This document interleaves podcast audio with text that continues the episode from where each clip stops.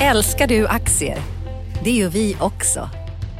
Sea Worldwide Asset Management är en av Nordens största oberoende aktiva aktieförvaltare och har samlad kunskap sedan 1986. Ta del av vår kunskap på seaworldwide.se. Bokstaven C, worldwide.se.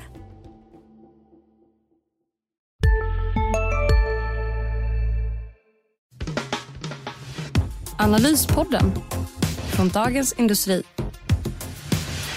Välkommen till Analyspodden, Dagens Industris podd om börs och makro. Eh, vi som pratar idag är Agneta Jönsson och eh, kollegan Rickard Bråse. Hej Rickard! Hej! Hur är läget på västkusten idag? Det är laddat inför midsommar ska du veta. Det är ju sillens högtid. Eh, Okej. Okay. Så det ser vi mycket fram emot. Ja, men det blir mysigt. Här blir det nog lite lugnare firande i Stockholm. Vågar man inte ge sig ut så mycket. Så det får bli lite jordgubbar och sill på hemmaplan i år. Mm, så, sånt är livet nu för tiden. Precis. Eh, vi har i alla fall haft en kort vecka på börsen där det ändå har hunnit hända en hel del grejer. Den här veckan är vi ner 1,5 procent ungefär så här långt. Eh, vi fick en stark återhämtning i början på veckan när Fed gick in och sa att de skulle köpa företagsobligationer. Men det har också hänt mycket på bolagsfronten. Eh, ett av dina bolag här gjorde en stor affär i dagarna, Rickard. Eh, vad har du att säga om det?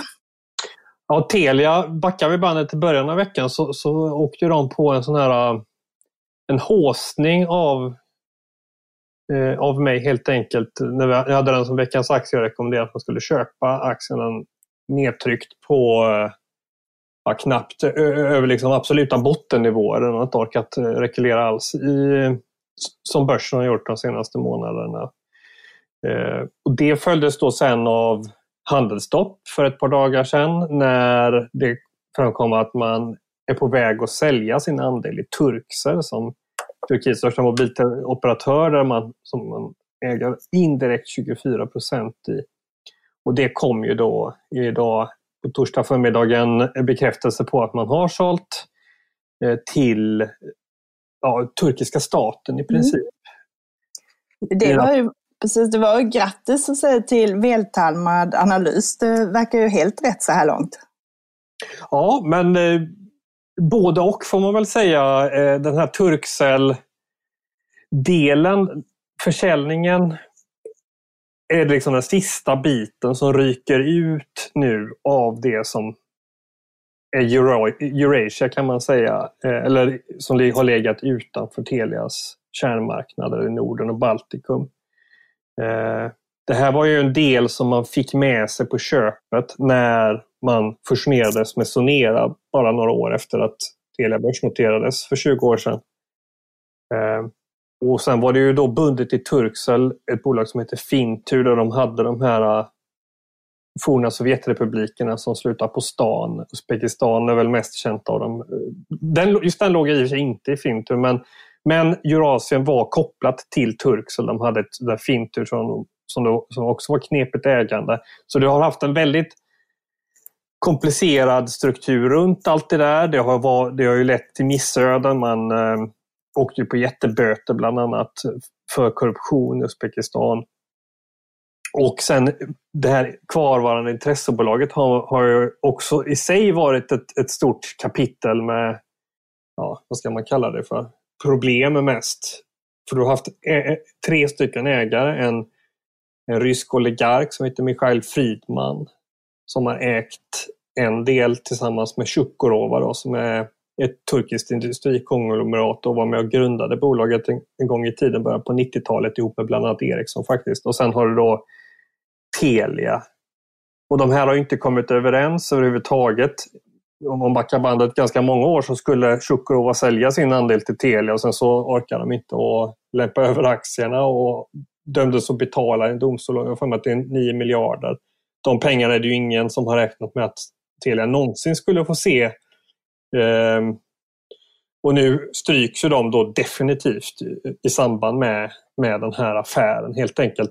Och tittar man på aktierna, de underliggande aktierna som det här holdingbolaget som Telia faktiskt säljer aktier idag äger så, så är de värda ungefär 10 miljarder man säljer för 5 miljarder. Så att det är en ganska saftig rabatt. Men de tycker väl att det är värt det när de Ja, det är som sagt superillikvid tillgång som de har haft som bara varit förknippad med problem egentligen. Det har ju till och med varit så att turkiska finansinspektionen har varit de som fått utse bolagets styrelse. Där snackar vi bolagsstyrning eh, deluxe. Det är lugnt. Ja, men det är väl inte det, är det, inte det som händer nu med ny vd här i Alison Kirby som kommer in och städar upp och då kommer man undan lite med det här. Men då accepterar man ett lägre pris för att bli av med eländet helt enkelt.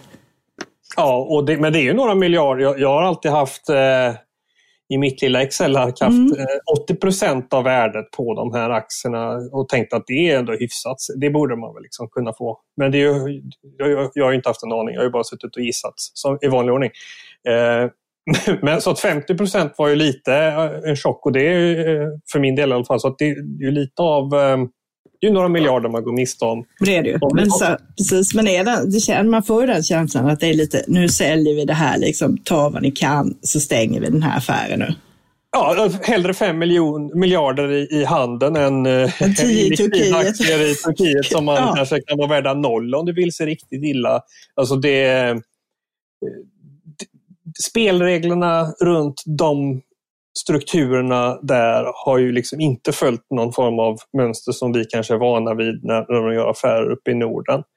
Så att på så sätt, du, du, man kan säga, jag skulle säga att du missar då 3 miljarder kanske. Eller jag, jag känner att jag missar 3 miljarder. Mm. Nu är jag inte aktieägare i Telia, men eh, hypotetisk aktieägare. Och, och, och eh, men å andra sidan så sätter ju detta den definitiva punkten man sålde Moldavien som den sista eurasiska helägda operatören tidigare år. Nu sätter detta definitivt punkten. För, så nu är de då en renodling. Eller ett, ett renodlat eh, nordiskt-baltiskt bolag. Och det tror jag i sig är värt någonting på liksom multipelmässigt. Så du blir av med någonting som har kostat jättemycket energi, eh, som nu helt enkelt försvinner och det har uppenbarligen då ett pris. Ellison Kirkby, det är ju mer en tillfällighet skulle jag säga att, att det råkar vara. Det, det, man kan ju skoja och säga att på sex veckor så har hon fått gjort mer då på Turkcell än vad Dennelind gjorde på sex år om man vill vara elak. Eh, det är ju inte hela sanningen utan detta är ju en process som har varit som, som under lång, lång, lång, lång tid man har försökt att få till Eh, tidigare finanschefen Christian Luiga tackar hon särskilt för, hans, eh, för att han har lagt väldigt mycket då energi på att försöka att få ihop den här affären. Så det, det, är nog, det är ju liksom mer tur och träff att det råkar ske nu skulle jag säga än, än, liksom, än att ha någonting direkt med vd-bytet att göra. Den hade ju, hade, den var, hade det, stjärnorna stått rätt för några månader sedan så hade den liksom varit innan hon hann tillträda. Precis, men, men det, man ska inte underskatta det. Men du, du intervjuade ju också Alison Kirkby här i samband med den här intervjun. Hade hon någonting annat att säga vad som skulle hända framöver?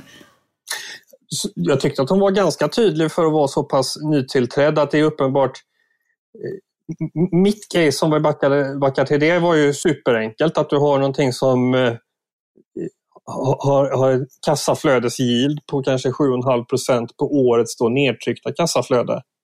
Så bara, bara det liksom inte blir sämre från ett uselt eh, coronaår så, så, så får du ändå någon, en avkastning som är konkurrenskraftig givet hur, hur, hur de andra nordiska operatörerna handlas. Plus att fokus tidigare har legat jättemycket på kassaflödet också, men då de har kunnat utvinna ur pensions eh, betalningar som de har dragit nytta av. De har haft, eh, de har, jag tror att det är 6 miljarder ungefär i rörelsekapital de har kunnat dra ur genom att förlänga sina betaltider till leverantörer. Det hon kommer fokusera på nu är, alltså det var hon väldigt tydlig med, Telia har för låga marginaler på många av sina marknader givet den skala man har. Teleoperatörer, där handlar det om skala och skala och skala. Storleken hänger ihop med vad du får ut för marginal. Och det är bara att titta vad de borde, hur stora de är och vad de borde få ut så, så borde det finnas pengar att få ut där. Så att hon kommer nog att gå in hårt för att lyfta lönsamheten helt enkelt. Då får du då upp ebitda som är motorn i den här kassaflödesapparaten så kommer du få ut ett bättre kassaflöde på några års sikt, tror jag. Och, då kommer, och, det ena föder det andra. Får du fart på, får du fart på ebitda så kommer du få fart på värderingen också. Så att då blir det liksom en dubbel effekt och då tror jag att, att det kommer att, att bli ganska... Ja, det, Telia kommer ju aldrig bli en fantastisk aktie men den kommer ju vara tillräckligt bra, framförallt i det här läget när, man, när, när, väldigt mycket saker har blivit väldigt, väldigt, väldigt dyra på kort tid givet förutsättningarna med global recession och annat. Precis, sen har du samtidigt, eh, brukar det vara hyggliga utdelningar, så går du tillbaka till det normala så får du liksom en obligationsliknande aktie men ändå med en hygglig uppsida tycker jag, så det känns helt rätt nu. Ja, de satte ju nyligen en, en, en, en till hybrid eh, och räntan på den var 1,5 procent. Så vad skulle du helst ta? Hybrid, göra en hybridinvestering på en och en halv eller uh, Telia på vad nu... Vi kan väl säga att de har eh, de, minimum att de höjer till 1,90 nästa år. Så då har du ja, närmare 6% direktavkastning. Ja, det är typ det man brukar kalla för ledande fråga, låter det som. Eh, det får helt klart bli lite Telia i portföljen då, måste jag säga. Mm. Däremot finns det ju ett annat bolag som eh, kollegan Magnus Dagel tycker här att vi ska passa på. Det är ju SAS här som alla känner till deras stora problem. Eh, de har gått ut i veckan nu med en plan här att de ska rekapitaliseras och vill ha in 12,5 miljard. Där då svenska staten beräknas skjuta till 5. Eh, sen pratar man om att kanske Norge vill man ha med igen, att de ska gå in och köpa aktier. Det är frågan om de är så sugna på det. De har ju lite att göra med sina egna eh, problem i Norwegian om man säger så. Sen eh, är ju hela börsvärdet på SAS är ju nu typ drygt 3 miljarder så att går det här igenom i form av nyemissioner så blir det ju en gigantisk eh, utspelning. Det är ju ingenting kvar av de gamla eh, aktierna så att säga. Så att eh, det blir väl ett råd att man ska hålla sig undan från det där, eh, tycker Magnus. Och det måste jag väl säga att man ska hålla med på. Vad tycker du Rickard? Ja, jag har definitivt inget att invända. Jag har ju fort, jag har fortfarande liksom köldskador sen, sen eh, jag har för mig att det var 2012 när de hade den här klassiska förhandlingen med sina fack. När de hotade med ultimatum om att de skulle sätta SAS i konkurs och sådär. Då stod vi hela, hela Nordens eh, finansmedia utanför deras huvud. Något kontor de hade på Kastrup och höll på att frysa ihjäl. Det var snorkallt och det blåste. och Eh, aktien har väl, eh, gick bra efter det där men det är inget... Det, det är ju liksom, det, det är lite så samma typ av bolag som Telia, att du har staten involverad. Och det är, men i grunden så är det liksom en business som är extremt svår. Telia har ju fördelen av att de vet att på varje marknad så har de två eller tre konkurrenter och att eh, det är det som finns. Och de har sina spektrum och marknaden är lite som den är. Här sitter du och har någon form av infrastrukturprojekt som konkurrerar med privata aktörer och ja, SAS är nog bland det sista jag skulle kunna tänka mig att köpa aktier i. Ja, jag är benägen att hålla med dig. Jag tycker vi släpper den. Däremot händes det mer spännande affärer här. Kinnevik slog ju till och sålde 11 miljoner aktier i Zalando häromdagen. Nu har de i och för sig en hel del kvar, 54 miljoner, och eh, det är ju fortfarande en väldigt stor del utav Kinnevik. Tittar vi på Kinneviks börsvärde så är det på runt 65 miljarder ungefär. Och då har du Zalando är hälften utav det och sen har du Tele2 som du har koll på som är värt 24 miljarder. Eh, och resten då eh, 10 typ är ju onoterade prylar helt enkelt. Eh, hur ser du på det här? Jag tycker det är intressant att de hade ju en affär där de delade ut Millicom-aktierna till, eh, till ägarna. Så du krympte Kinnevik där. Och sen eh, har de ju sålt aktier tidigare också. Och den var ju för att ta ner nettoskulden och nu säljer de aktier igen jag tyckte mig se någonting för bara någon vecka sedan också om att huvudägaren Kristina Stenbeck sålde aktier i Kinnevik. Så man undrar, frågan har varit sen hon, sen hon liksom trappa ner sitt engagemang i styrelsen. Vad är huvudägarens liksom, syn på det här bolaget långsiktigt? Vad är, vad är hennes engagemang för Kinnevik? Det är känt att hon gör investeringar vid sidan om. Så ehm, Ja, intressant.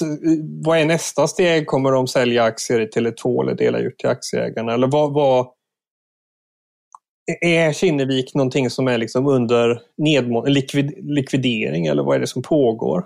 Det känns ju lite, nu de här pengarna man får in, de här nästan 7 miljarderna, då delar man ut 1,9 till aktieägarna. Det blir 7 kronor per aktie, så det blir en liten utdelning och det är ju linje i det de sa också att de inte ska ha några fastställda utdelningar på år utan dela ut lite ad hoc. Eh, och det tyder ju på att de kommer göra sådana här försäljningar ja, när de tycker det är läge helt enkelt.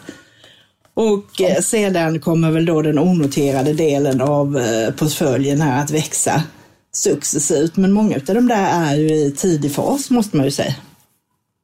Ja, och det är fortfarande så väldigt mycket aktier i, som du sa, i, i Zalando och Tele2. Så det är fortfarande väldigt mycket av de aktierna som man måste på något sätt sälja eller dela ut eller vad man gör för att den här onoterade delen ska bli större. Och sen så den onoterade delen den i takt med att de bolagen som liksom presterar där eller attraherar aktieägare, de, söker, de kommer ju till börsen. Jo, men visst är det så. Sen har du Zalando. Nu kommer i mossa här med en lite omvänd vinstvarning. Man säger det att Eh, både försäljningen och rörelseresultat kommer vara signifikant bättre än vad konsensus tror. Då. Konsensus är att eh, vi skulle ha en försäljningstillväxt på 16 procent i andra kvartalet och rörelseresultat på 104 miljoner euro. Och då kommer det alltså bli betydligt bättre än det. Eh, så det är väl lite positivt. Men du har ju det här att Zalando har ju fortfarande en extrem värdering. Tittar man på klassiska P talet så ligger det på 146 gånger årsvinsten. De säger ju att de kan bromsa och få upp resultatet när de skulle vilja och marknaden har köpt det där. Men periodvis så har det ju varit ganska skakigt. Vi såg ju här, här om året där vi hade en ordentlig nedgång när man tvivlade lite på Zalando. Så det är ju lite kast mellan hopp och förtvivlan i det där. Ja, den har, hur mycket är den upp bara från börsbotten här för eh, några månader sedan? Den har ju gått som en fullkomlig raket så man kanske inte ska göra den här analysen svårare för sig än att Kinnevik ser att det har blivit lite väl dyrt och då kan man ta plocka hem lite vinst helt enkelt. Ja, men visst är det så. Zalando är ju upp 30 procent i år, ja, typ då drygt 80 från botten. Så det är ju en av de här som verkligen har eh, kommit igen här. Mm. Och det saknas ju inte konkurrens på modesidan, eh, vare sig vad det gäller e-handel eller fysisk handel. Eh, där kommer vi få veta ännu mer i slutet av nästa vecka, misstänker jag. Ja, för då kommer H&M med sin rapport. De var ju redan ute i eh, tidigare den här veckan med sina försäljningssiffror. Den var ner, försäljningen var ner i lokala valutor med ungefär 50 procent. Eh, så en halvering av försäljningen, det är ju liksom helt extremt men under rådande förutsättningar så var det nog ungefär vad man hade kunnat förvänta sig. Det var vad jag skrivit tidigare, liksom, att, man, att man kan räkna med. Så ska man se nu inför nästa vecka vad, vad det kommer landa där. Så... Just nu pågår vår stora season sale med fantastiska priser på möbler och inredning. Passa på att fynda till hemmets alla rum, inne som ute, senast den 6 maj. Gör dig redo för sommar. Välkommen till Mio. CSRD, ännu en förkortning som väcker känslor hos företagare. Men lugn, våra rådgivare här på PWC har koll på det som din verksamhet berörs av. Från hållbarhetslösningar och nya regelverk till affärsutveckling och ansvarsfulla AI-strategier. Välkommen till PWC. Har du minst 5 miljarder i rörelseförlust att se fram emot skulle jag säga. Plus att är det någon gång som de kommer att göra en lagernedskrivning och passa på att ta de här engångsposterna som H&M inte brukar att ägna sig åt så är det väl nu man ska passa på att göra det när det är ett kvartal som redan är förstört i alla fall. Så att då kan du lika gärna ta och riva av grejer som det dessutom är motiverat för. Det de har fått in i lager är ju sannolikt sånt som då inte har blivit sålt den här säsongen och då vet man inte liksom vad, vad det kommer gå att sälja för nästa säsong. Det är inte alls säkert att det låter sig göra så lätt.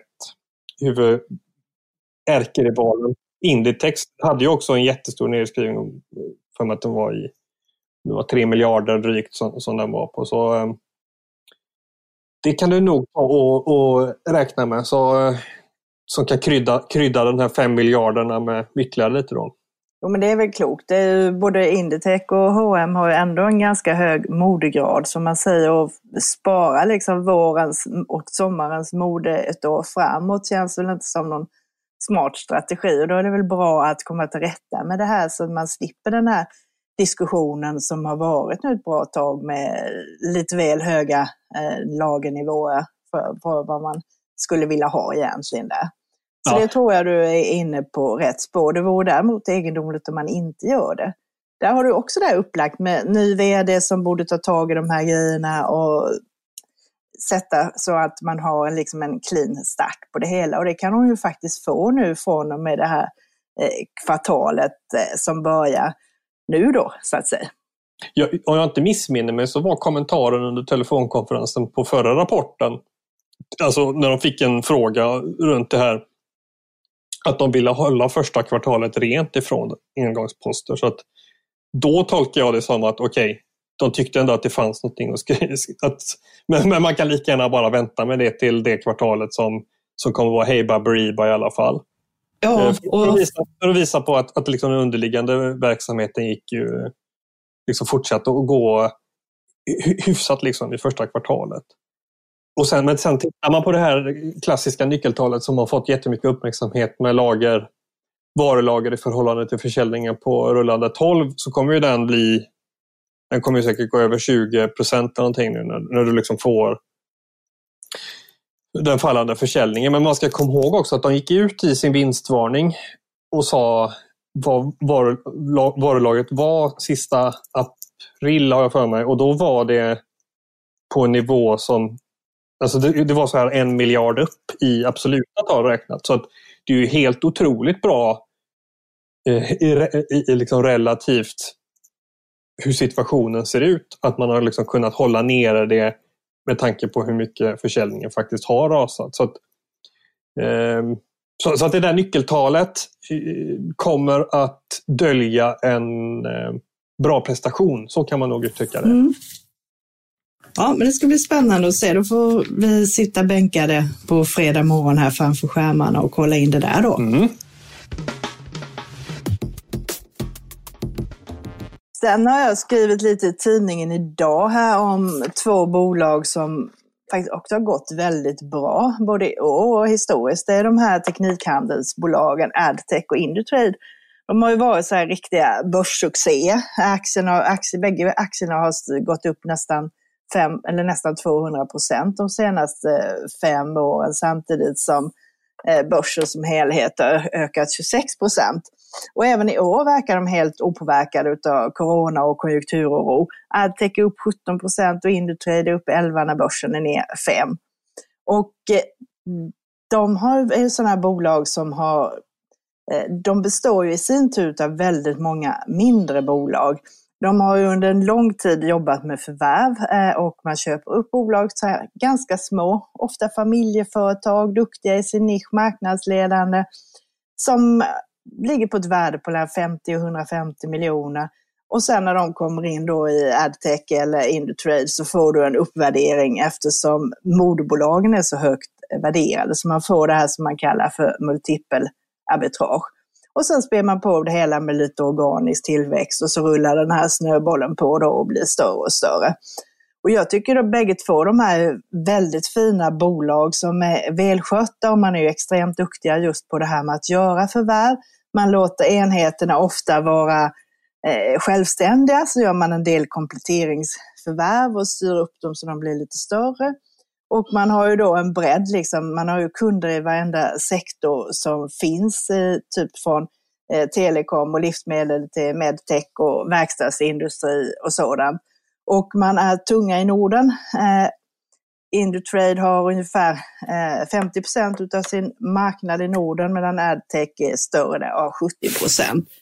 Och man har jobbat på med det här under en lång tid. Jag tycker att de är bra, men det som händer där nu är att värderingarna börjar komma upp en hel del. Eh, I år räknar ju ändå alla med att det blir liksom ett litet år som man räknar bort. Eh, där värderas vinsterna till 26-27 gånger årets vinst. Men även nästa år så ligger man på P tal 24-25. Och tittar du på bolagen på skuldfri basis och tittar på EV-ebit så ligger du också där liksom på de här nivåerna, eh, 24-25. Och man har värderat upp varje försäljningskrona också en del. För några år sedan så låg det runt 1,5 gånger försäljningen och nu är det över 2. Som sagt, bra bolag, men det finns ganska mycket cykliska inslag i det här. Och blir det lite bakslag så är ju risk att det eh, kommer ner. Jag tycker det börjar bli lite väl stor höjd i det hela nu, så jag tycker man kan plocka hem lite vinster där faktiskt. Men finns det någon exponering i de här bolagen som gör att, att de står inför liksom bolags, mer bolagsspecifika utmaningar liksom kommande kvartal? En del av deras sektorer har ju jobbigt, typ som man pekade ut eh, fordonsindustri och sådana här, eh, där kunderna har det tungt. Och en del inom verkstadsindustrin också.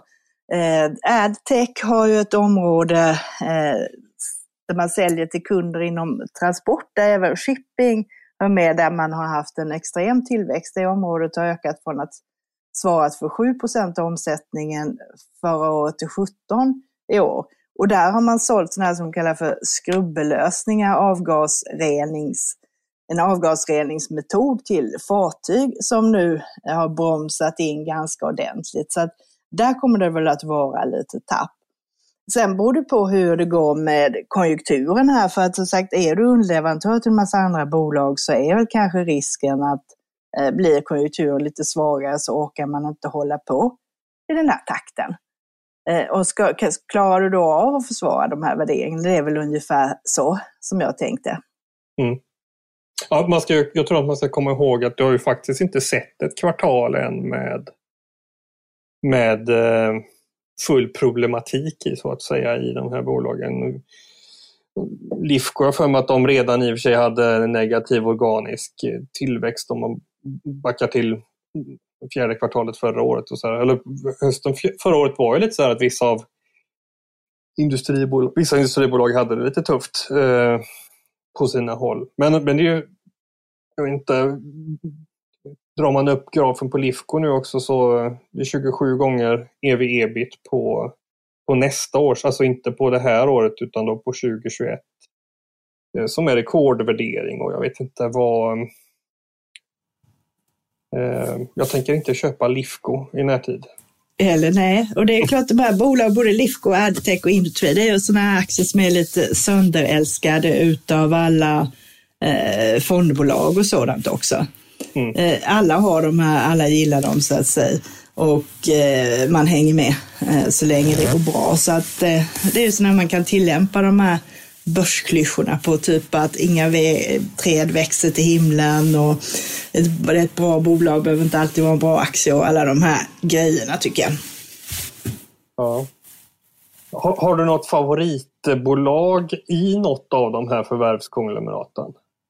Jag gillar ju Indutrade, det är väl den som jag har tittat mest på genom åren här och som jag tycker gör eh, väldigt bra ifrån sig. Men som sagt, jag började bli kanske lite skeptisk när värderingarna började gå över 20 och nu ligger vi runt 30. Så antingen är det någonting som jag inte har fattat i det här eller också så börjar det bli lite väl högt faktiskt. Jag tänkte mer något alltså dotterbolag till något av konglomeraten. För jag, för jag gillar ju till exempel Indutrade äger ett bolag sedan 2010 som heter Kontro Corona Control AB. Det är ju det är ett, ett fint namn. Ett namn som ligger i tiden. Ja, så detaljerat har jag inte några favoriter, men jag får titta närmare på det. Det, kanske, det låter i alla fall spännande. Ja, det... Problemet med sådana här förvärvsstories är ju alltid att det fungerar så länge det fungerar. Och att det är ofta liksom lite för sent som man märker att det, inte gör det. Så att de kan liksom rulla på och värderingar kan alltid bli högre och sådär men vad är det de gör? Alltså hur lätt är det för en utomstående att faktiskt förstå hur bra förvärv de gör? Alltså, det... om, om, du köper någonting så är det ju uppenbarligen så att du har betalat mer än någon annan. Jo, men visst är det så. Eh, och sen säger, man, som säger bolagen också att eh, de här familjebolag och sånt vill ju gärna bli köpta utav dem för att de får jobba självständigt. Eh, de får fortsätta ungefär de gör med lite stöd. De kanske tycker att det är lite mysigare att bli köpta utav Indutrade än av en riskkapitalist till exempel som vill gå in och styra om på ett helt annat sätt. Mm. Så sen, där har de en liten fördel. Men det, det, det, är lite, det kan vara lite roande faktiskt. Det kan jag rekommendera våra lyssnare att gå in och titta på vad de här bolagen faktiskt köper för företag. Det kan, jag kan eh, en liten um, spoiler alert är att det kan vara ganska blandad uh, typ av verksamhet som man köper. Det, är, det finns ju ehm, ett företag som heter Lagerkrans till exempel. Det skulle jag säga är antagligen börsens Eh, mest spretiga företag. Så att det, det, det, det eh, är väl Lifco som ju då är, är, lite av, ska man säga, betraktas som det finaste av de här. Det kan vara, som sagt, inte så sammanhållna förvärv alla gånger utan väldigt, väldigt stor spridning i vad det, vad det rör sig om för faktiska verksamheter om man går in och tittar lite på det. Men det, men det är väl, ja, men det är väl det där, sen, sen blir de för stora så delar de upp till Lagerkrans som du nämnde. De har, kommer ju från samma mamma så att säga, Adtech och Lagerkrans och BV2. Det var ju det som hette Bergman och Beving tidigare. Och sen blev det för stort och så delar man det i tre. Sen nu 2016 så tog ju Adtech då och eh, är knoppad av Adlife då som är lite mer hälsovård och life science. Det här, det är, de är väl kanske lite mer jämförbara med Lifco då typ. Mm. Så vi får se, men som sagt varje bolag ska ju ställas mot någonting annat och man kan ju inte ha alla sin portfölj. Så just nu så känns det ju mer safe med Telia än de här högt värderade bolagen tycker jag då. Mm. Sen kanske vi ska prata om lite vad som händer med Eh, nästa vecka. Eller vi har en dag faktiskt kvar på den här veckan när börsen är stängd. Eh, imorgon, eh, midsommarafton, eh, så kommer det ju vara det stora EU-toppmötet. För fyra år sedan så var det Brexit-omröstningen som sänkte börsen och ställde till med oreda. I år ska EU-topparna här ha möte om långtidsbudgeten och den här gigantiska återhämtningsfonden på 7900 miljarder. Det är alltså lika mycket pengar som hela Stockholmsbörsens värde som man då ska dela ut eh, två tredjedelar i bidrag och en tredjedel i lån. Finland är negativa, vi Österrike och några till eh, tveksamma. Så att det ska bli intressant att se hur det går med det här. Ulf Pettersson, vår kollega, skrev att det är någonting som kan ställa till för oreda för börsen här i nästa vecka om man inte kommer överens. Vi får väl se hur det slutar här. Mm. Och, och, och, i det här läget när börsen har gått så starkt under några månader som den har gjort nu så brukar det ju inte krävas mycket oreda för att det ska bli mycket oreda på börsen. Så att eh, ja, vi får se om det, är det, om, det, om, det, om det är den härden eller vad det blir som eh, kommer ställa till det. Men eh, någonting, jag har en känsla av att någonting blir det innan den här sommaren är över. Det tror jag också. Nu känns det som också att den här starka uppgången vi har haft i USA och vi har ju hakat på börjar mattas av. Tittar man på det här tekniska så är det ju en sån här, den lättaste indikatorn när man tittar på 200 dagars glidande medelvärde som är lite så här gräns mellan upp och nedtrend. Nu ligger man precis och balanserar på den här nivån och då är det också läge att hålla utsikt. Kommer det någonting negativt så är det ju då stor chans att eh, piper ner en sväng under igen här får man väl säga. Mm. Sen eh, kommer även ett bolag som jag har tittat på, Nobina. Den här bussoperatören kommer med eh, rapport på fredag. De har ju ett sånt där brutet räketårsår så att nu kommer det en period som omfattar hela coronakrisen, nämligen mars till maj. Eh, vi vet ju att eh, lokaltrafiken har ju inte gått jättebra här när folk har rekom blivit rekommenderade att låta bli och åka. Eh, de flesta kontrakten påverkas dock inte av det här utan eh, en mindre del. Nu kommer vi få veta då hur stor den här delen är helt enkelt. Sen påverkas de också om de har vunnit några nya kontrakt. Eh, det är väl lite tidigt att säga. Det är en stor upphandling i Stockholms lokaltrafik som de har hållit på med här under våren. Eh, beskedet kommer väl inte riktigt än. Vi får se om de kan hinta om något där. Sen har man också lite oflyt nu för att man eh, gick in i många nya kontrakt eh, under förra året och det kallar man då för kontraktmigration för de här är nämligen mest lönsamma de sista åren. Det kostar lite att ge sig in på en ny linje och styra upp det där och sedan blir det lönsammare ju mer tiden går. Så att det här kommer nog bli ett ganska svagt eh, kvartal från eh, Nobina. Eh, man, aktien är i och för sig ner 20 procent i år. Eh, man räknar med en omsättning på 2,6 miljarder i det här kvartalet. Eh, förra året vid den här tiden så låg det på drygt 2,7. En vinst för skatt på 41 miljoner, förra året var det eh, 98. Så lite bättre än där kan eh, bli eh, lite uppsida. För som sagt var, just nu är det ganska nedtryckt. Så den tycker jag också man kan hålla koll på här när man har läst färdigt på fredag, H&M på fredag morgon. Mm. Bra! Det var väl de två viktiga grejerna. Jo, en grej till nästa vecka. På torsdag eh, så kommer Finansinspektionen ha ett extra insatt möte där de ska då diskutera hur de ska göra om SEB haft koll på sin verksamhet i Baltikum. Eh, så där blir det intressant att se vad de kommer fram till. Kommer det bli någon sanktionsavgift som man gjorde med Swedbank?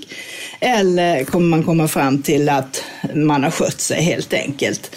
Eh, så det är bara man hålla koll på vad som sägs där. De skulle sagt det här redan i april, men det sköts upp då på grund av corona och allt stöket. De hade väl mycket att göra på Finansinspektionen också. Mm. Så det är väl de grejerna som jag tycker är viktigt eh, nästa vecka eller något annat som du har funderat på? Nej, jag gör som vanligt. Jag får ta det som det kommer.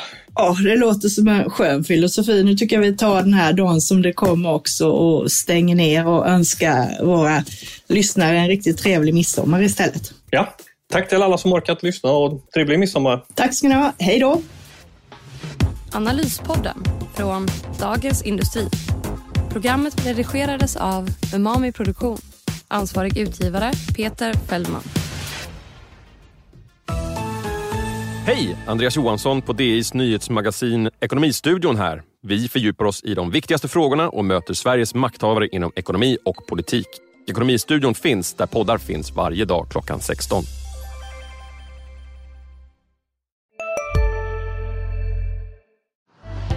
Älskar du aktier? Det gör vi också. Sea Worldwide Asset Management är en av Nordens största oberoende aktiva aktieförvaltare och har samlad kunskap sedan 1986. Ta del av vår kunskap på seaworldwide.se. Bokstaven C, worldwide.se